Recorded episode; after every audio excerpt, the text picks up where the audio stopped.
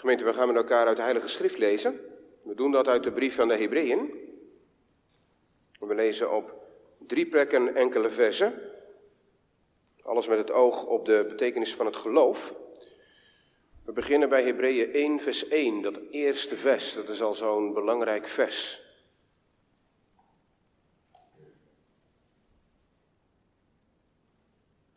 En in vers 1 staat er dit. Het begint niet met de auteur, maar met God. God, voortijds, veelmaals, dus heel vaak, en op velerlei wijze tot de vaderen gesproken hebbend door de profeten, heeft in deze laatste dagen tot ons gesproken door de Zoon.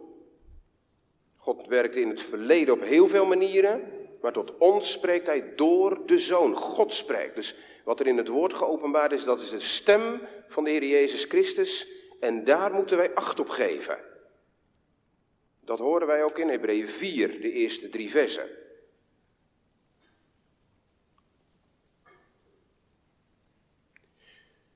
Hebreeën 4, vers 1. Laat ons dan vrezen dat niet de enige tijd de belofte van in zijn rust in te gaan nagelaten zijnde, iemand van u schijnen achtergebleven te zijn. Als ik het heel eenvoudig zeg, laten we ervoor oppassen dat terwijl de belofte die Christus spreekt nog steeds open staat, nog steeds actueel is, dat wij die nalaten, dat wij die veronachtzamen, die belofte worden, en zo achterop raken en verloren gaan.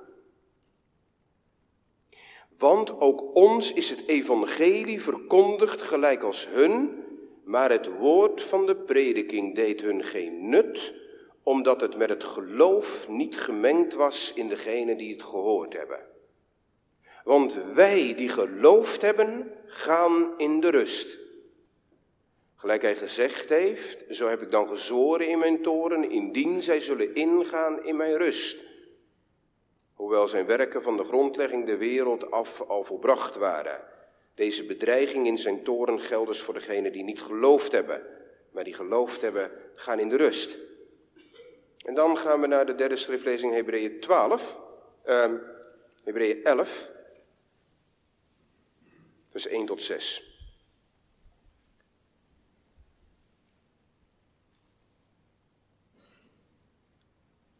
Het geloof nu is een vaste grond van de dingen die men hoopt en een bewijs van de zaken die men niet ziet.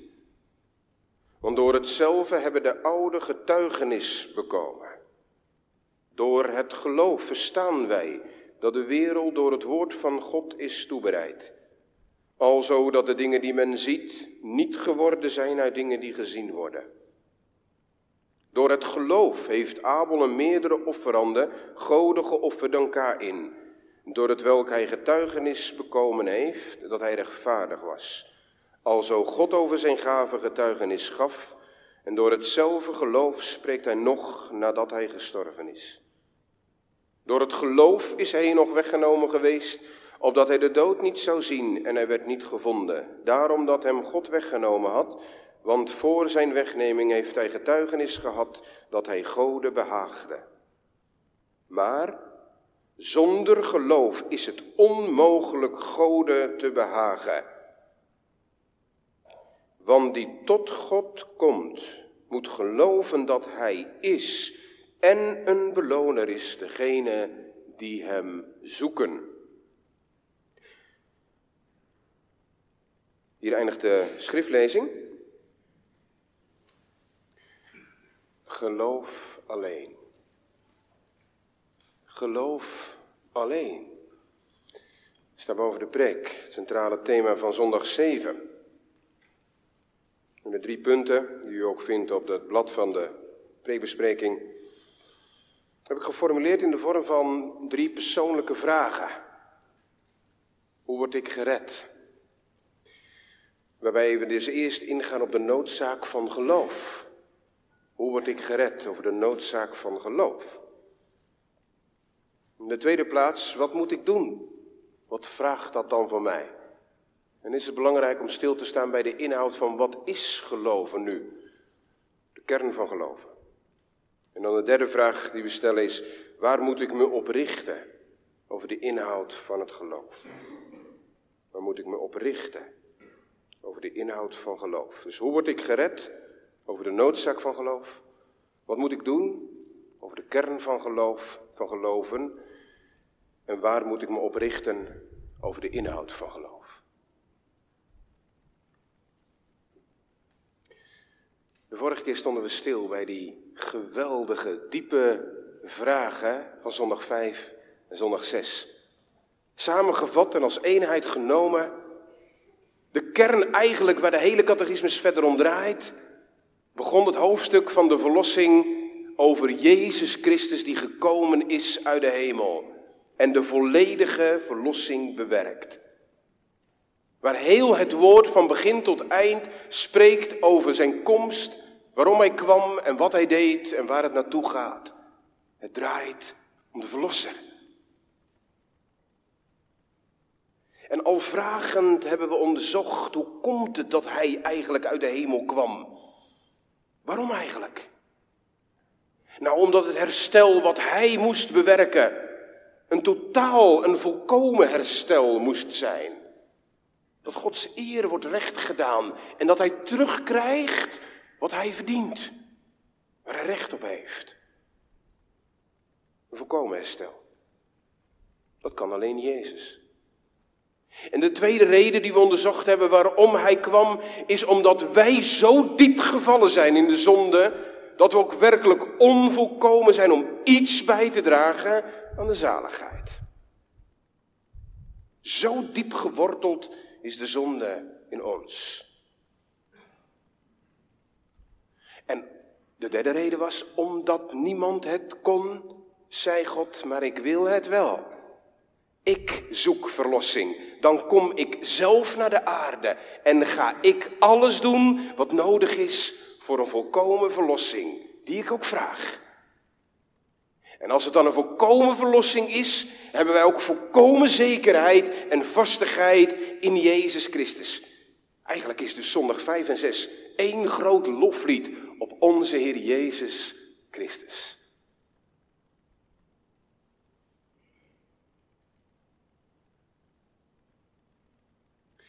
En, en als je dat goed beschouwt, dat Jezus Christus werkelijk zo'n volkomen verlosser is, dan kun je je afvragen, en die vraag hebben we ook gesteld de vorige keer, hoe komt het dan dat mensen verloren gaan?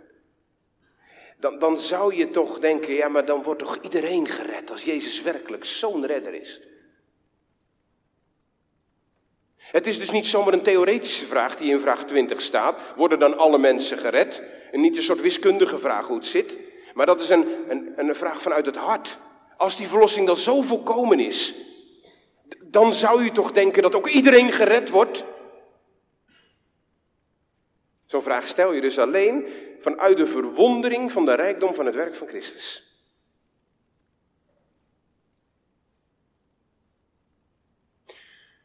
En daar komt een pijnlijk antwoord.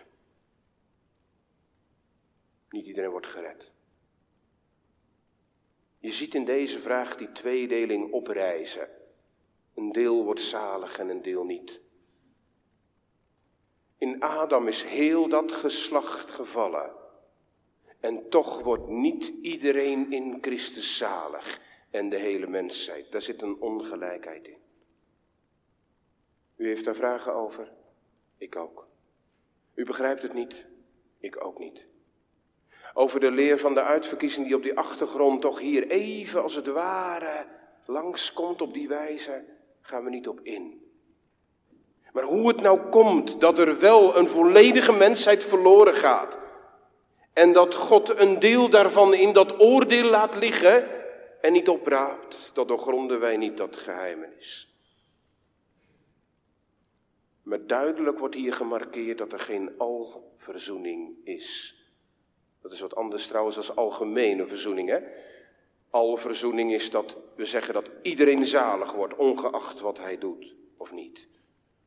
Er zijn theologen die zo ver zijn gegaan, en ergens begrijp ik een punt van hen, dat ze zeggen de rijkdom van Gods genade is zo diep dat we ons niet kunnen voorstellen dat God uiteindelijk de mens verloren laat gaan. Daar is Gods hart te groot voor. Dat hebben ze gezegd. Maar dan laat je de schrift los wat God zelf heeft geopenbaard. En gaan we de grenzen over. Want Jezus laat duidelijk zien dat er zijn die worden weggezonden. Ga weg van mij. Ik heb u nooit gekend.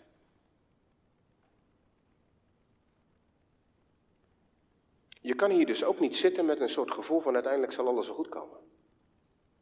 Dan kom je er gelijk weer even bij je eigen hart. Dat laat deze vraag zien.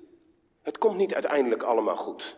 Hier dringen de vragen zich op. Hoe zit dat dan? Wie worden er dan wel gered? Als het maar een deel is, wie zijn dat dan? Dat zijn de uitverkorenen, dominee. Ja. Je hebt gelijk. En toch ergens helemaal niet. Want ik lees dat antwoord hier helemaal niet. Er staat hier helemaal niet dat de uitverkorenen gered worden. Ziet u dat staan van de uitverkiezing? Nee. Heel bewust gaan de opstellers niet in op de uitverkiezing hier. Want als je dat gaat zeggen hier, dan sluit je alles dicht. En dan hebben we het vanavond alleen nog maar te hebben over degene of je wel of niet uitverkoren bent. En dan kom je ergens bij een soort onderzoek van heb ik nou wel of niet de kenmerken van uitverkoren te zijn. En ja, dan kan ik getroost naar huis. Nee, dat is de weg niet. Dat heeft onze vader niet voor niets zo geformuleerd. Moeten wij dus ook niet doen. Als we maar reformatorisch willen zijn, moeten we die uitverkiezing laten oplichten. Waar ergens, vraag en antwoord 54. Dat de kerk uiteindelijk zal behouden aankomen. En dat de uitverkiezing een middel is om krachtig te werken en vruchtbaar te zijn in Gods koninkrijk. Dat komt later. Wie zijn het dan? De verbondskinderen. Wij zijn kinderen van het verbond. En u zegt, dan bent u behouden?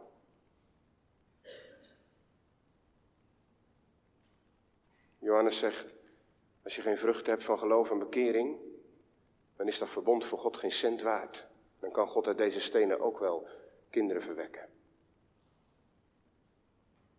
Dat geldt nu ook. Je kun je niet beroepen op het verbond.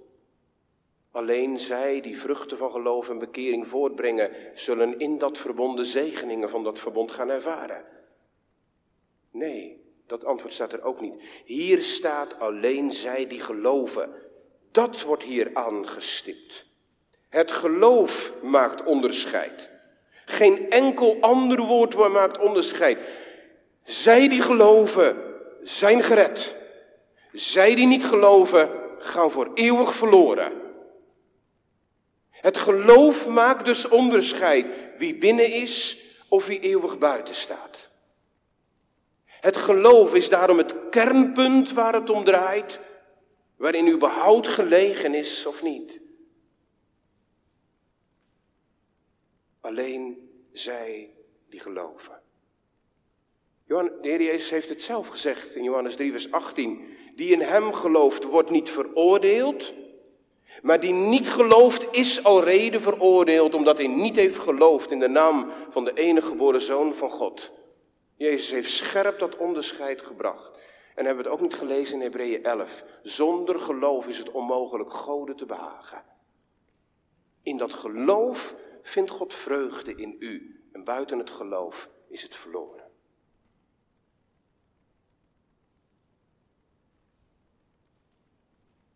Hoe komt het dat het alleen het geloof is? Waarom ligt er zo'n nadruk op het geloof? Nou, het eerste antwoord zou zijn, kunnen zijn omdat God dat bepaald heeft, dat op deze wijze er redding komt. Door de hand van het geloof die de weldaden van God ontvangt. God heeft bepaald dat dat de weg van de verlossing is, waardoor wij er deel aan krijgen. We kunnen het ook vanuit een inhoudelijke reden zeggen. Als we de vorige keer met zoveel nadruk hebben gehoord dat redding echt volkomen alleen Gods werk is en werkelijk Zijn reddende kracht is, waardoor Hij ons bevrijdt, vernieuwt, heiligt, herschept en de hele wereld uiteindelijk herschept, dan is de houding van ons die daarbij past het beste het geloof. Want geloof is slechts maar zo'n klein ding. Het is, het is het, de manier die het beste past bij Gods verlossing. waarin Hij verheerlijkt wordt in zijn daden en het geloof slechts de middel is, het middel is waardoor wij daar deel aan krijgen. Want geloof, wij moeten dat niet als een soort grote prestatie zien, maar het is de hand van de bedelaar die ontvangt. Het is het hart wat ja mag zeggen op zijn belofte woorden.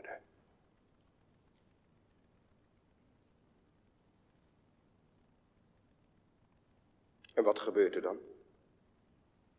Als dat geloof er is, om nog even in te gaan, hoe word ik gered? Wat doet dat geloof dan? Het antwoord in vraag en antwoord 20 geeft twee dingen aan. Wij worden in Christus ingelijfd en we ontvangen al zijn weldaden. Nee, we nemen al zijn weldaden aan, staat er. Aannemen van al zijn weldaden. Wij worden ingelijfd. Dus zodra dat geloofsvertrouwen op Gods belofte geoefend wordt, op wat God spreekt, dan worden wij op een verborgen wijze aan Christus verbonden, ingelijfd. We kunnen dat het beste vergelijken met een huwelijk. Als de huwelijksbelofte geklonken heeft op het gemeentehuis, dan is dat huwelijk gesloten en is man en vrouw aan elkaar verbonden. En als je trouwt met in gemeenschap van goederen, dan zijn de zegeningen die die man heeft, al zijn, al zijn inkomen en al zijn geldelijke uh, hoeveelheid die hij heeft, het geld wat hij heeft, dat wordt ook het eigendom van zijn vrouw en omgekeerd. Nou, dat zie je dus in dit antwoord terugkomen. Waar dat geloof beoefend wordt, waar je ja mag zeggen tegen Christus, daar word je aan Hem verbonden. Dat doet God. Je wordt in Hem ingelijfd. God brengt je over en verbindt je zo aan Christus, dat je niet meer los bent van Hem en nooit meer los zal zijn van Hem. En dan wordt die verlossing, die weldaden, die worden dus ook overgebracht. Daar werd in zondag 6 over gesproken. Hij is gekomen tot een volkomen vergeving, rechtvaardiging, heiliging, volkomen verlossing. Nou, dat alles wordt zo overgebracht naar degene die gelooft. Dat gebeurt er in het geloof.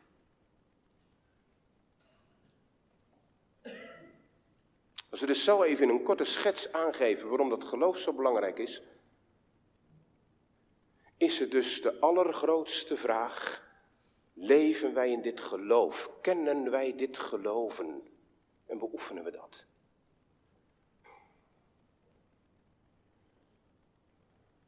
Want als dit levende geloof er niet is, worden we niet gered. Ik zei het al, we kunnen in het verbond zijn, maar er zijn geen vruchten van geloof gevolgd.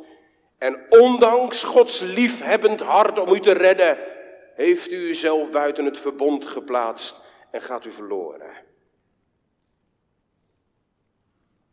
Als dat geloven niet is, er kan wel een heleboel religiositeit zijn, maar dan bent u niet behouden. We kunnen wel spreken over geloof en over God en over de dingen die Hij doet in ons leven. En let wel, ik doe er niet klein over, maar ik wil het brengen op het scherp van de snede om het helder te krijgen.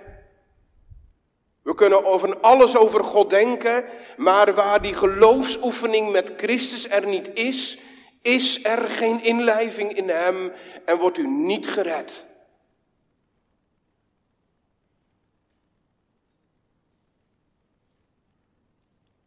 Er kan zoveel gesproken worden over geloof en ervaringen, terwijl in heel dat gesprek de lijn naar Christus volledig gemist wordt. Stel dat ik nou vanavond bij u op bezoek kom. En ik zit met jou te praten en ik zeg: Joh, hoe weet je dat het goed komt met jou? Als jij nou je ogen sluit, weet je man dan van jou, ze is gered. Die vraag stel ik ook wel eens. Dat is natuurlijk een hele directe vraag. Ook een moeilijke vraag. Maar dan komen we toch bij de kern. Word je gered? Weet je dat je gered wordt? Straks in het komende oordeel, weet je dat je staande zal blijven? Dat, dat vraagt toch om een antwoord.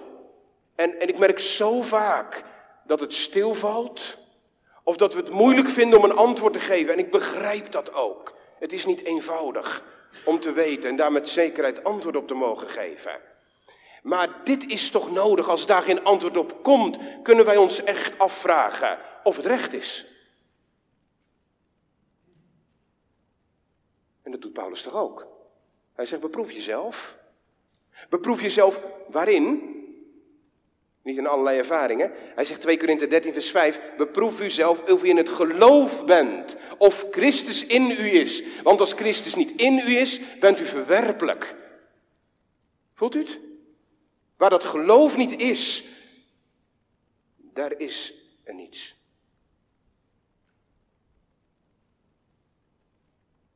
Je ziet hoe je eeuwige bestemming hiervan afhangt. Ik wil nog dichter bij het hart komen vanavond. Jongelui, middelbare leeftijd, oudere vandaag, zoveel jaren al gegaan. Maar bent u in dit geloof? En weet u dat als u uw ogen mag sluiten, dat u een vaste hoop hebt op Hem? Want het geloof is een vaste grond, de dingen die men hoopt en een bewijs van zaken die je niet ziet. Ja, ik weet, mijn verlosser leeft. En ik sluit mijn ogen en ik mag hem zien in heerlijkheid, want hij is de mijne en ik ben van hem. Die zekerheid, die is niet weggelegd tot een enkeling en aan het eind van het leven. Die dient gezocht te worden en die kan en die mag gevonden worden, ook vanavond. Dit is toch vele malen belangrijker dan die vakantie die eraan komt. Dan het feestje wat je gisteravond gehad hebt. Dan die bezigheden van de afgelopen week. Dan die zorgen van je bedrijf. Dan al je lichamelijke omstandigheden. Noem het maar op. Als je buiten Christus bent, dan ben je verwerpelijk.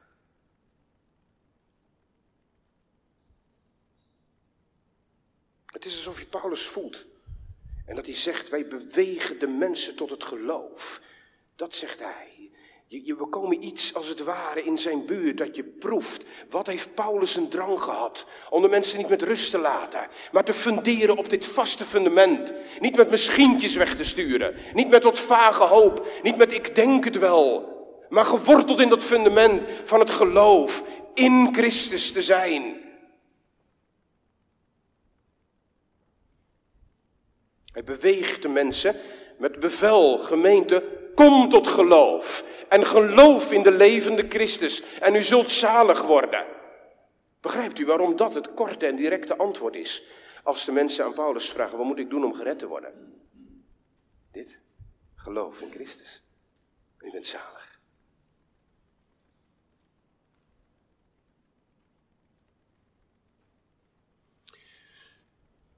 Wat moet ik doen, dominee? De tweede vraag, punt 2. Wat moet ik doen?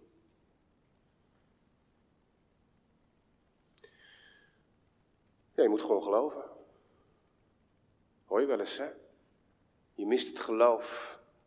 En dan zegt iemand tegen je, nou, je moet gewoon geloven. En dan wordt het nog drie keer gezegd. Nu voel je al hulpeloos worden. Ja, wat moet ik dan doen? Ik voel niks en ik heb wat gedaan, maar er gebeurt niks. Je voelt je verlegen worden. En anders zegt je, moet een keuze maken. Ja, welke keuze moet ik dan maken? Wat moet ik dan doen? Wat moet ik dan zeggen? En anders zeg je, bid er maar veel om. En je bidt, toen je 84 bent. Domin, ik heb mijn hele leven gebeden. Ik zie me nog zitten, met die oudere mensen. Het leek wel alsof elk gesprek een herhaling was. Dominee, we bidden ons hele leven erom. Ja, waar bidt u dan om? Ja, nieuw hart. En wat is dat dan? Stilte.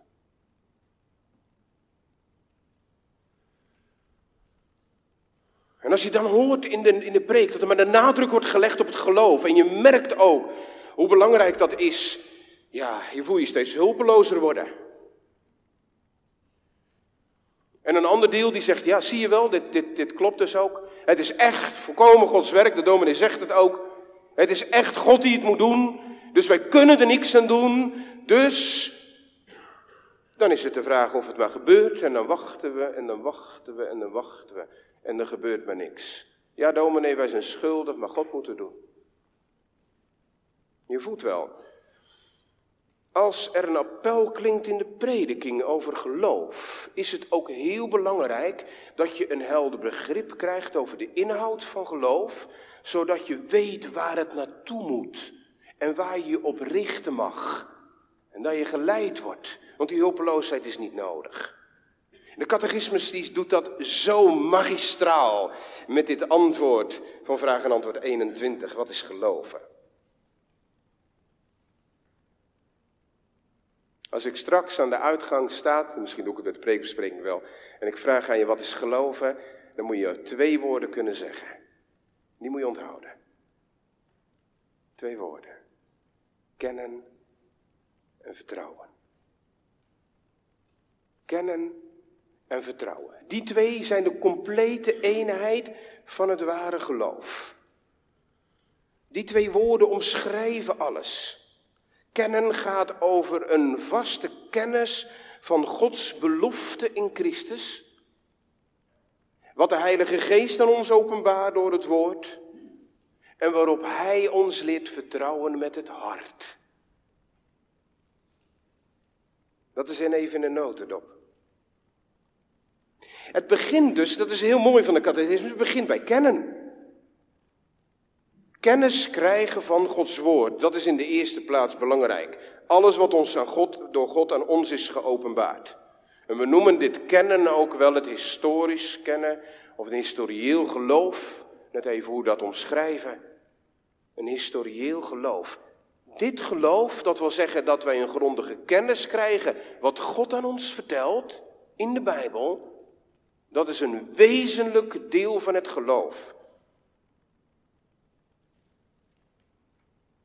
Als wij geen kennen hebben, als dat niet door ons hoofd is gegaan en wij inzicht hebben gekregen, zullen we met het hart niet rusten. Je vertrouwt je leven niet toe aan een persoon die je niet kent, maar iemand die je kent, die leer je vertrouwen. Kennen gaat voorop, is onmisbaar. We mogen dus niet negatief doen over kennis. Het is nodig dat je grondige kennis krijgt. Wat dan? Alles wat in het woord geopenbaard wordt. Want God spreekt. En als Hij spreekt, moeten we luisteren. Moeten we niet selectief zijn? Als God dingen zegt die ons niet aanstaan, dan weet God hoe belangrijk het is dat we dat horen.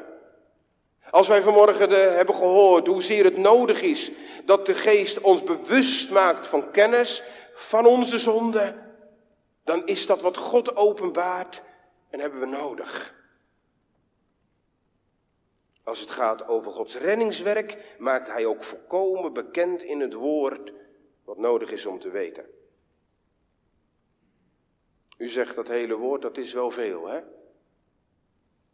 Ja, dat is waar. Ik kom daar straks bij punt 3 nog even op terug van de inhoud. Maar weet je wat zo mooi is? Zondag 5 en 6 is die kennis al naar voren gekomen. De kernzaak van dat woord is Jezus Christus. Dus let vooral in eerste instantie even op wat God openbaart door Jezus Christus. Daar moeten wij dus goede en gegronde kennis van krijgen. Waarom is Jezus gekomen?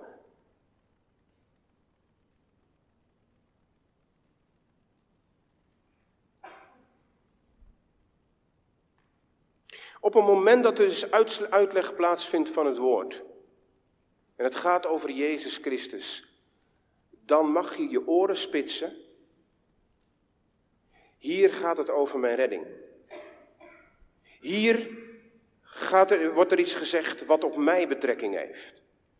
En dan luister je anders als dat het gaat over een zaak die je puur uit interesse hoort. Stel dat je naar een boer toe gaat en die boer die kan jou van alles uitleggen over hoe hij graan verbouwt. En hoe dat opgroeit en hoe dat water moet krijgen en hoe dat gedost wordt en hoe dat dan allemaal weer verkocht wordt. Nou, je kunt met heel veel interesse luisteren.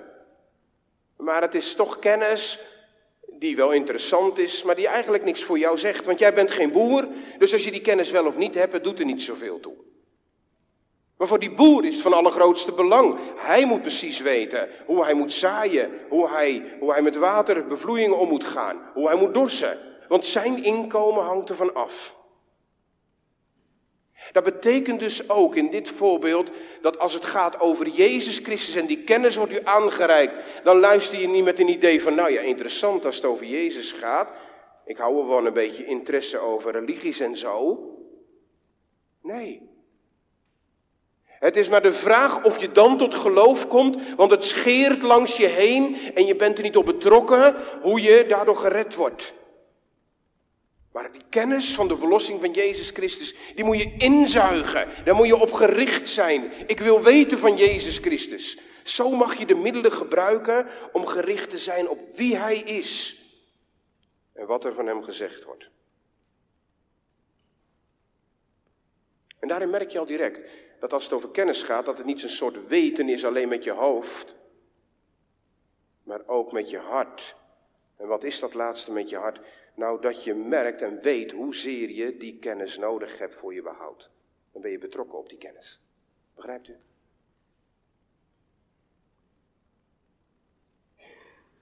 En dan mag er nog iets gezegd worden over die kennis. Dat is nog een heel belangrijk punt. Want als het gaat over de Bijbel, dan horen wij de evangeliën. Wij horen over de Heer Jezus. We horen over zijn kruiswerk. Maar het wordt niet alleen voorgesteld als een gebeurtenis die in het verleden heeft plaatsgevonden, maar het evangelie wordt ons voorgesteld als een beloftewoord. Er wordt niet alleen gezegd in de prediking, Christus is gestorven aan het kruis om de zonde weg te nemen. Er mag iets bijgezegd worden wat van het allergrootst belang is. Christus is aan het kruis gestorven voor de zonde en dat is ook zijn belofte voor u.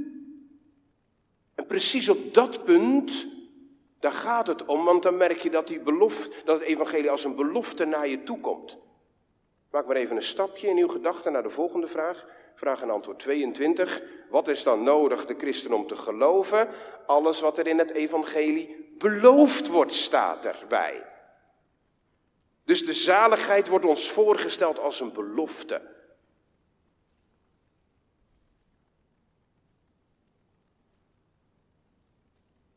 Mag ik even de link leggen naar vanmorgen? Indien wij onze zonde beleiden, God is getrouw en rechtvaardig, dat hij ons de zonde vergeven en ons reinigen van alle ongerechtigheid. Als je alleen dat eerste deel neemt en de noodzaak voelt van zonde beleiden, kan je daarin heel erg bezig zijn, maar je raakt het niet kwijt en er is geen vergeving. Maar wat leert deze tekst ons? God vergeeft de zonde. Dat is zo belangrijk om te weten dat Hij getrouw en rechtvaardig is, dat Hij de zonde uitwist en die verzoening bewerkt. En wat heeft u er vanmorgen bij gehoord? Dat die zaak u als een belofte wordt voorgesteld. Die belofte is er ook voor u. Dat Hij zegt, ik ben getrouw en dat beloof ik ook aan u. Indien we onze zonde beleiden, mogen we dus richten op die belofte van vergeving van zonde.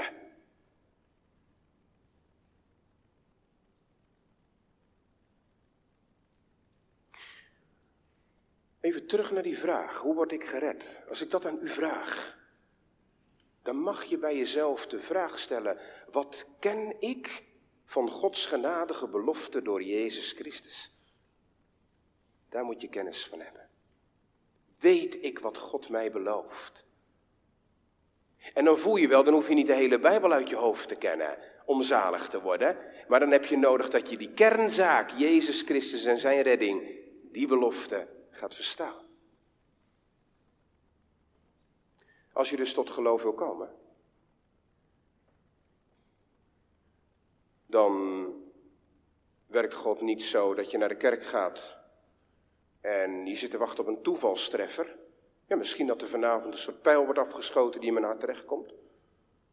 En dan kan het natuurlijk wel zijn dat je in de kerk zit en geraakt wordt door een woord, zo bedoel ik het niet. Maar ik bedoel dat het geloof niet naar je toe komt als een soort lot uit de loterij. En, en dat het is van, nou ja, als ik, als, als ik maar genoeg bid en zo, misschien loop ik een kans dat ik er een keer terechtkomt. En dat is geloven niet. Als je wil geloven, dan ga je naar de kerk. Maar dat is niet genoeg. Je zit te luisteren, dat is niet genoeg. Wat vraagt God van je? Als Hij werkt door de kennis heen, door de belofte heen, dan is het nodig dat je onder de prediking met aandacht luistert. Wat spreekt God tot mij? Wat belooft Hij aan mij? En hoe mag ik die belofte leren kennen van het woord? En zo mag je het middel gebruiken wat God gebruikt. Want die kennis, dat is ook niet iets wat wij zelf in, als het ware bereiken. Dat komt niet van onder naar boven. Het is de geest die komt, die ons verstand verlicht en ons inzicht geeft in de schrift, hoe nodig wij Christus hebben.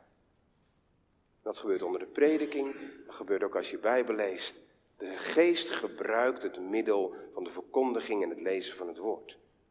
En uw verantwoordelijkheid, mijn verantwoordelijkheid is dat wij kennis krijgen. Mijn volk gaat verloren. Niet omdat ze geen behoud is, maar omdat ze geen kennis heeft van wat Jezus Christus leert.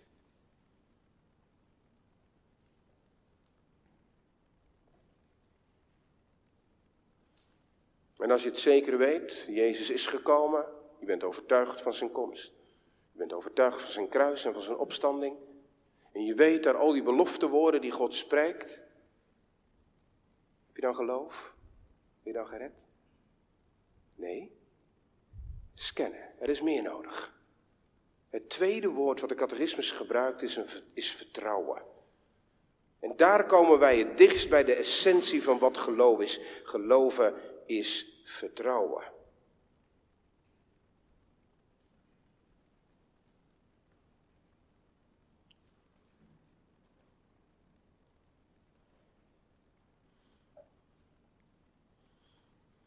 De catechismus had ook een heleboel andere woorden kunnen kiezen.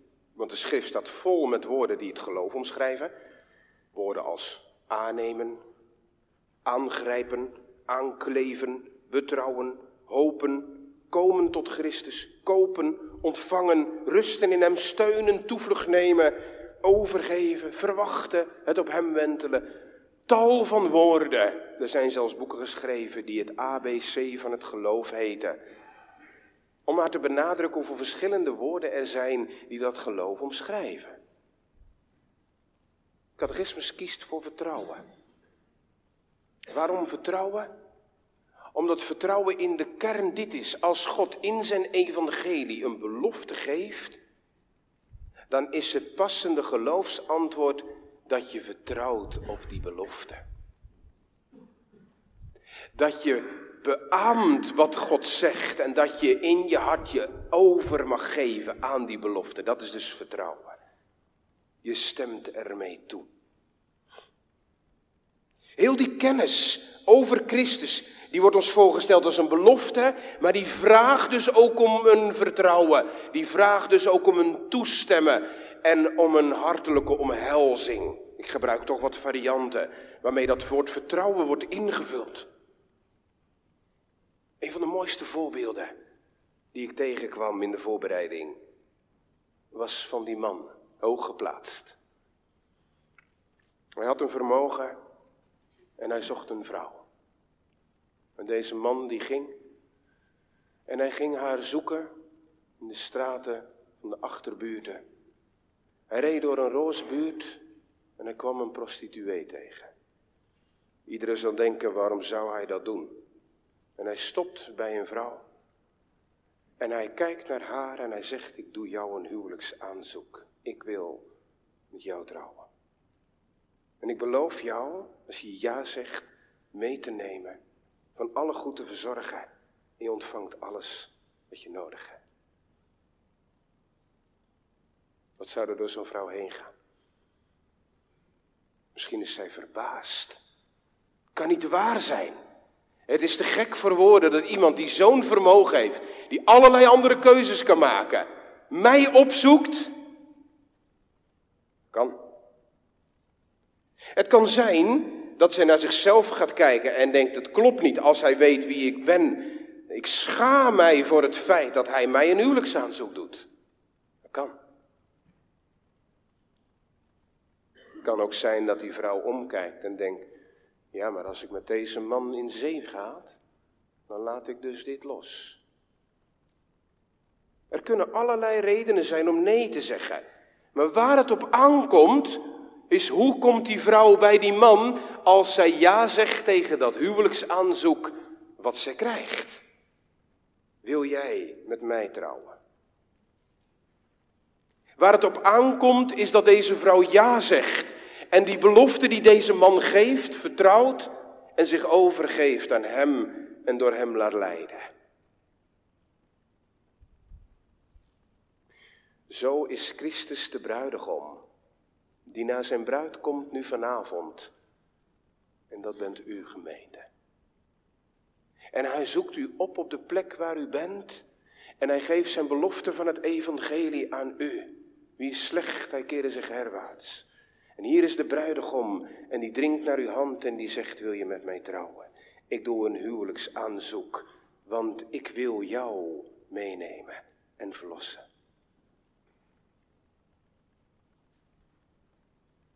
Als je dan kennis hebt van Christus die voor je staat. En je leert zijn dierbaarheid kennen. En je leert heel zijn verlossingswerk kennen. En alles wat hij gedaan heeft en waarom dat zo noodzakelijk is. Het is van groot belang. Want hoe zou je met iemand in zee gaan die je niet leert kennen? Maar daarom openbaart hij zich door de kennis van de schrift. Maar als je dat alles kent en hij doet een huwelijksaanzoek en je zegt nee, dan sta je er buiten dan gaat de zaligheid aan je voorbij. Uiteindelijk komt het er dus op aan dat we ons toevertrouwen aan Hem en dat niet één keer, maar voortdurend weer aan de belofte woorden overgeven. Aan Gods reddingswerk overgeven. En waar begint het geloof? Daar waar wij leren vertrouwen op de belofte van Christus die tot ons komt. Hoe nemen wij toe in geloof en in vastigheid? Daar waar, waar wij ons leren oefenen om aan die belofte houvast te vinden. Daar waar wij het niet meer zoeken in onszelf, waar geen houvast is. Wij zoeken de zaligheid niet in onszelf, maar wij erkennen dat we van onszelf midden in de dood liggen. Maar wij vluchten tot Hem omdat Hij ons heeft genodigd. En we omhelzen Hem, we zoeken het bij Hem. En daar vinden we het ook.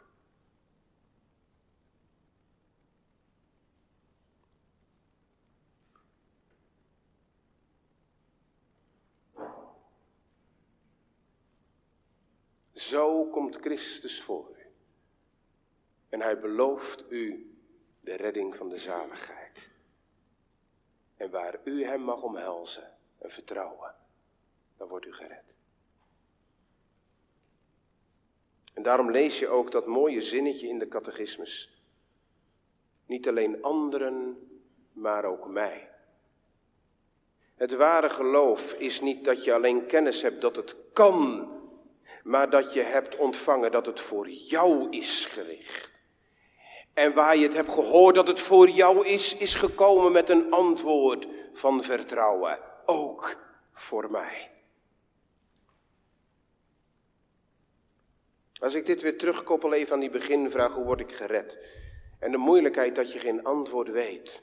Dat heeft heel vaak ook te maken met dat we de ervaringen niet gevoelen. En zo weinig kunnen vertellen wat anderen wel hebben meegemaakt. En die hebben grote verhalen. En God heeft grote dingen gedaan. En je bent toch anders als je opa en je oma. En die hebben een weg gehad en die ken je niet. En dat moet toch via die weg gaan. En zo ben je je aan het meten met de een en met de ander. En wat laat je na? Het heldere onderwijs van zondag 7. Het gaat niet om wat anderen jou voorspiegelen. Het gaat erom dat je de belofte van de schrift kent. Dus op het moment dat de vraag tot u komt, ben ik gered? Dan is het nodig dat je de vraag stelt, heb ik de Heer Jezus leren kennen zoals hij in het woord naar mij toe komt? En heb ik geleerd en leer ik het nog, wat leer ik te geloven? Leer ik mijzelf aan Hem toe te vertrouwen? En daar mag een antwoord op komen. En daar moet een antwoord op komen. En dat moet gebeuren. Je ziet ook dat de catechismus dat ook benadrukt. Hè? Niet alleen een stellig weten, maar ook een vast vertrouwen. Dat is uiteindelijk de climax waar de catechismus bij aankomt. Maar u zegt, ja, hoe gebeurt dat dan? Want daar op dat punt van vertrouwen, daar zit nou de moeilijkheid. Hè? Dat punt van ja zeggen, dat punt van het omhelzen, daar ligt de moeilijkheid. Dat durf je niet, er zijn allerlei stemmen uit het verleden, dat mag je niet, dat kan ook. Stel dat je Jezus aangrijpt en hij is jou niet aangeboden. Wat een misvatting. Want de prediking is dat het evangelie mag aangeboden worden aan iedereen.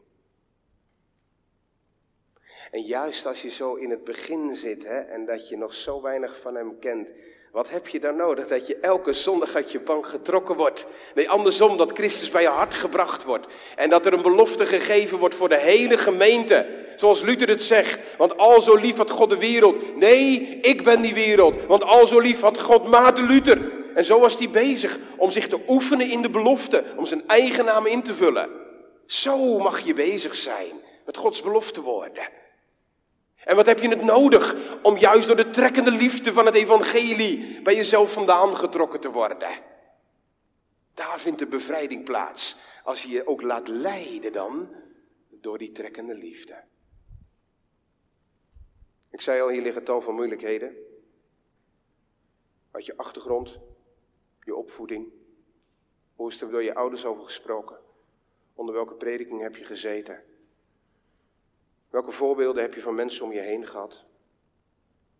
Hoe ben je er zelf op gericht geweest met onderwijs? Wat heb je gelezen? Tal van zaken spelen hier mee in de worstelingen. Uiteindelijk is dat niet maatgevend, gemeente. Het maakt niet uit uit welke geschiedenis je komt. Je kunt er zo'n gevoel van hebben, ja, maar ik heb zo'n achtergrond en dan komt het nooit goed en dat is natuurlijk allemaal niet waar. Stel je gerust, dat is niet zo. Want uiteindelijk ben je het niet zelf die je overgeeft aan Hem, want wat staat er in de catechismus? Hoe gebeuren deze dingen? Het is door de Heilige Geest die dat vertrouwen werkt in het hart. En hoe doet hij dat? Door middel van het evangelie.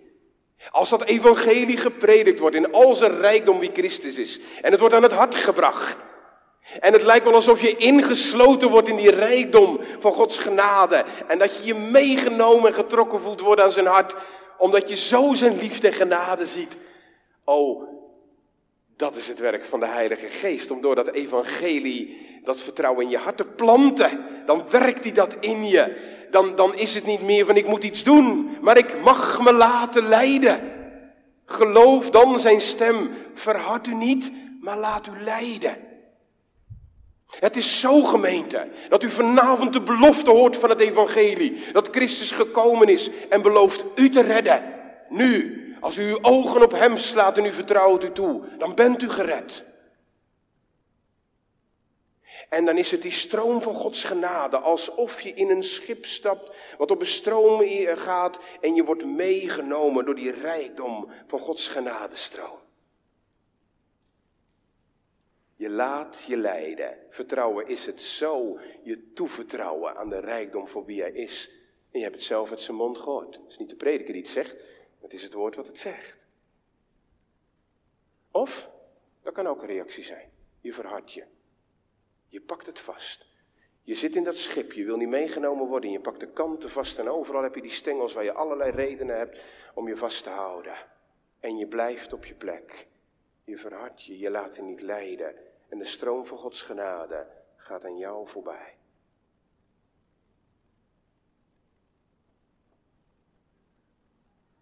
Dominee, wat moet ik doen? Luister naar het evangelie. Kom op die plekken waar het evangelie van een rijke Christus voor arme zondaren wordt gebracht. Verkeer veel onder de stem van de bruidegom die aan je hart klopt. Hoe meer je zijn liefdestem hoort, hoe meer je mag laten leiden. Al je onzekerheden die verbleken uiteindelijk als je de stem van de liefste hoort, die voor je open gaat in de prediking. Dat gebeurde toch toen dat voorbeeld gaf, toen je van die man hoorde die bij een prostituee kwam. Het is maar een klein verschil tussen een rijke man en een prostituee in vergelijk met de heerlijkheid van de Zoon van God. Die werkelijk hemel verliet en zich liet vernederen om zondaar als ons op te zoeken. Van het laagste soort. Van het soort wat hem haat en hem afgewezen heeft. Die op duizend en één manieren laat zien hem helemaal niet te willen. En met de rug naar de muur. Of de rug naar hem toegekeerd. Op zoveel manieren dat wij de zonde lief hebben. En dat je denkt, ik ben niet waardig dat hij me opzoekt, het is ook waar. U bent het ook niet waardig. Maar dit helpt ons zo om te verstaan dat Christus zijn liefde is op u gericht. Je bent niet te slecht, je bent niet te ver afgedwaald. Je hebt niet te veel gezondigd. Nee, geloof is niet omdat er allerlei veranderingen zijn in je hart. Maar er is een verandering gekomen. Welke dan?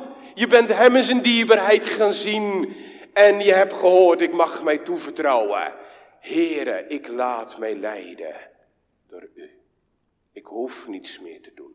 Zelfs een keuze die ik zou moeten zetten, ja, ik wil een hartelijke keuze maken. Ja, Heer, ik kom maar toch. Het is niet de keuze die mij redt. Het is Christus die aandringt aan mijn hart.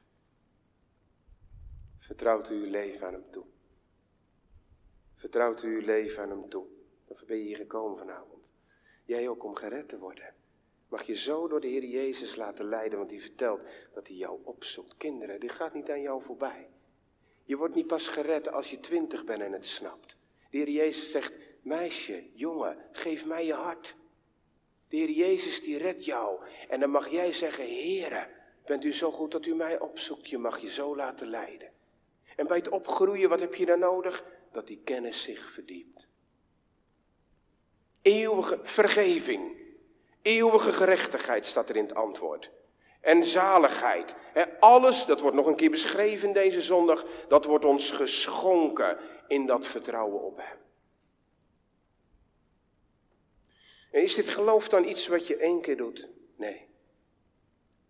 Het begint als het goed is één keer. En het houdt niet meer op. Want waar wij twijfelen, zijn we geneigd om naar binnen weer te kijken. Waar wij zondigen, we zijn geneigd om op te knappen. Waar, het niet goed gaat in ons leven, zijn geneigd eerst te herstellen. Altijd dat eerst maar dit van onze kant. Maar het is geloof alleen. Het is een voortdurend leren oefenen met je hulpeloosheid naar Hem te gaan. Heren, dit ben ik. Ik beleid wie ik ben in heel mijn situatie. Maar Hij is getrouw en rechtvaardig. En daarom mag u erop toeleggen, gemeente, om die grote medicijnkast van Gods belofte. Ik heb het over het woord. Dat je die medicijnkast met al die beloftewoorden leert kennen. Dat je het leert verdiepen. Want er zijn geen situaties in het leven waar God geen belofte voor heeft gegeven in zijn woord. Er zijn geen situaties in uw leven die niet toereikend zijn waarin hij helpen kan. Komt er een moment aan, heren, dat ik boven alles verlost ben en dat het dan allemaal voorbij is en helemaal goed is? Ja, dat komt. Dat komt dan als, als u hem straks ziet in heerlijkheid. Dit leven is een strijdwerk.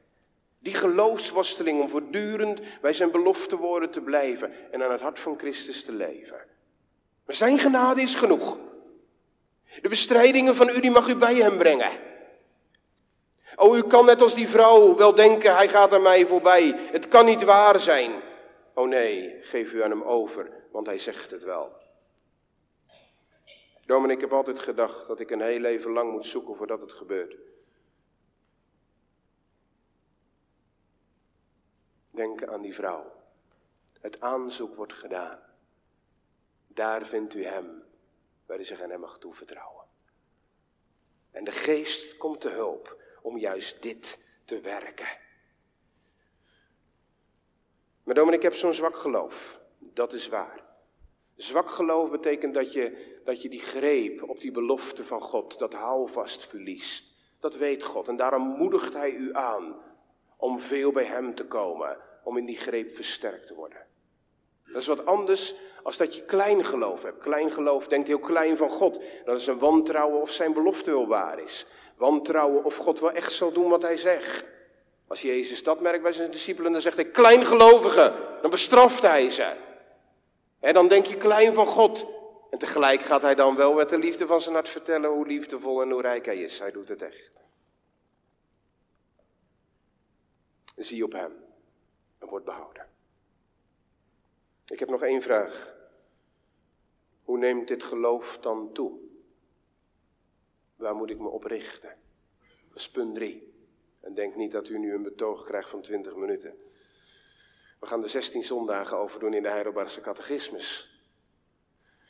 De vraag is, hoe neemt het geloof toe? Nou, als er een toename is in een kennis van zijn belofte en het leren toevertrouwen aan die belofte. En al die zondagen die hierna komen, van 8 tot en met 22, die zijn een uitwerking van wie God is en van wat Hij wil doen en hoe Zijn werk voortgaat.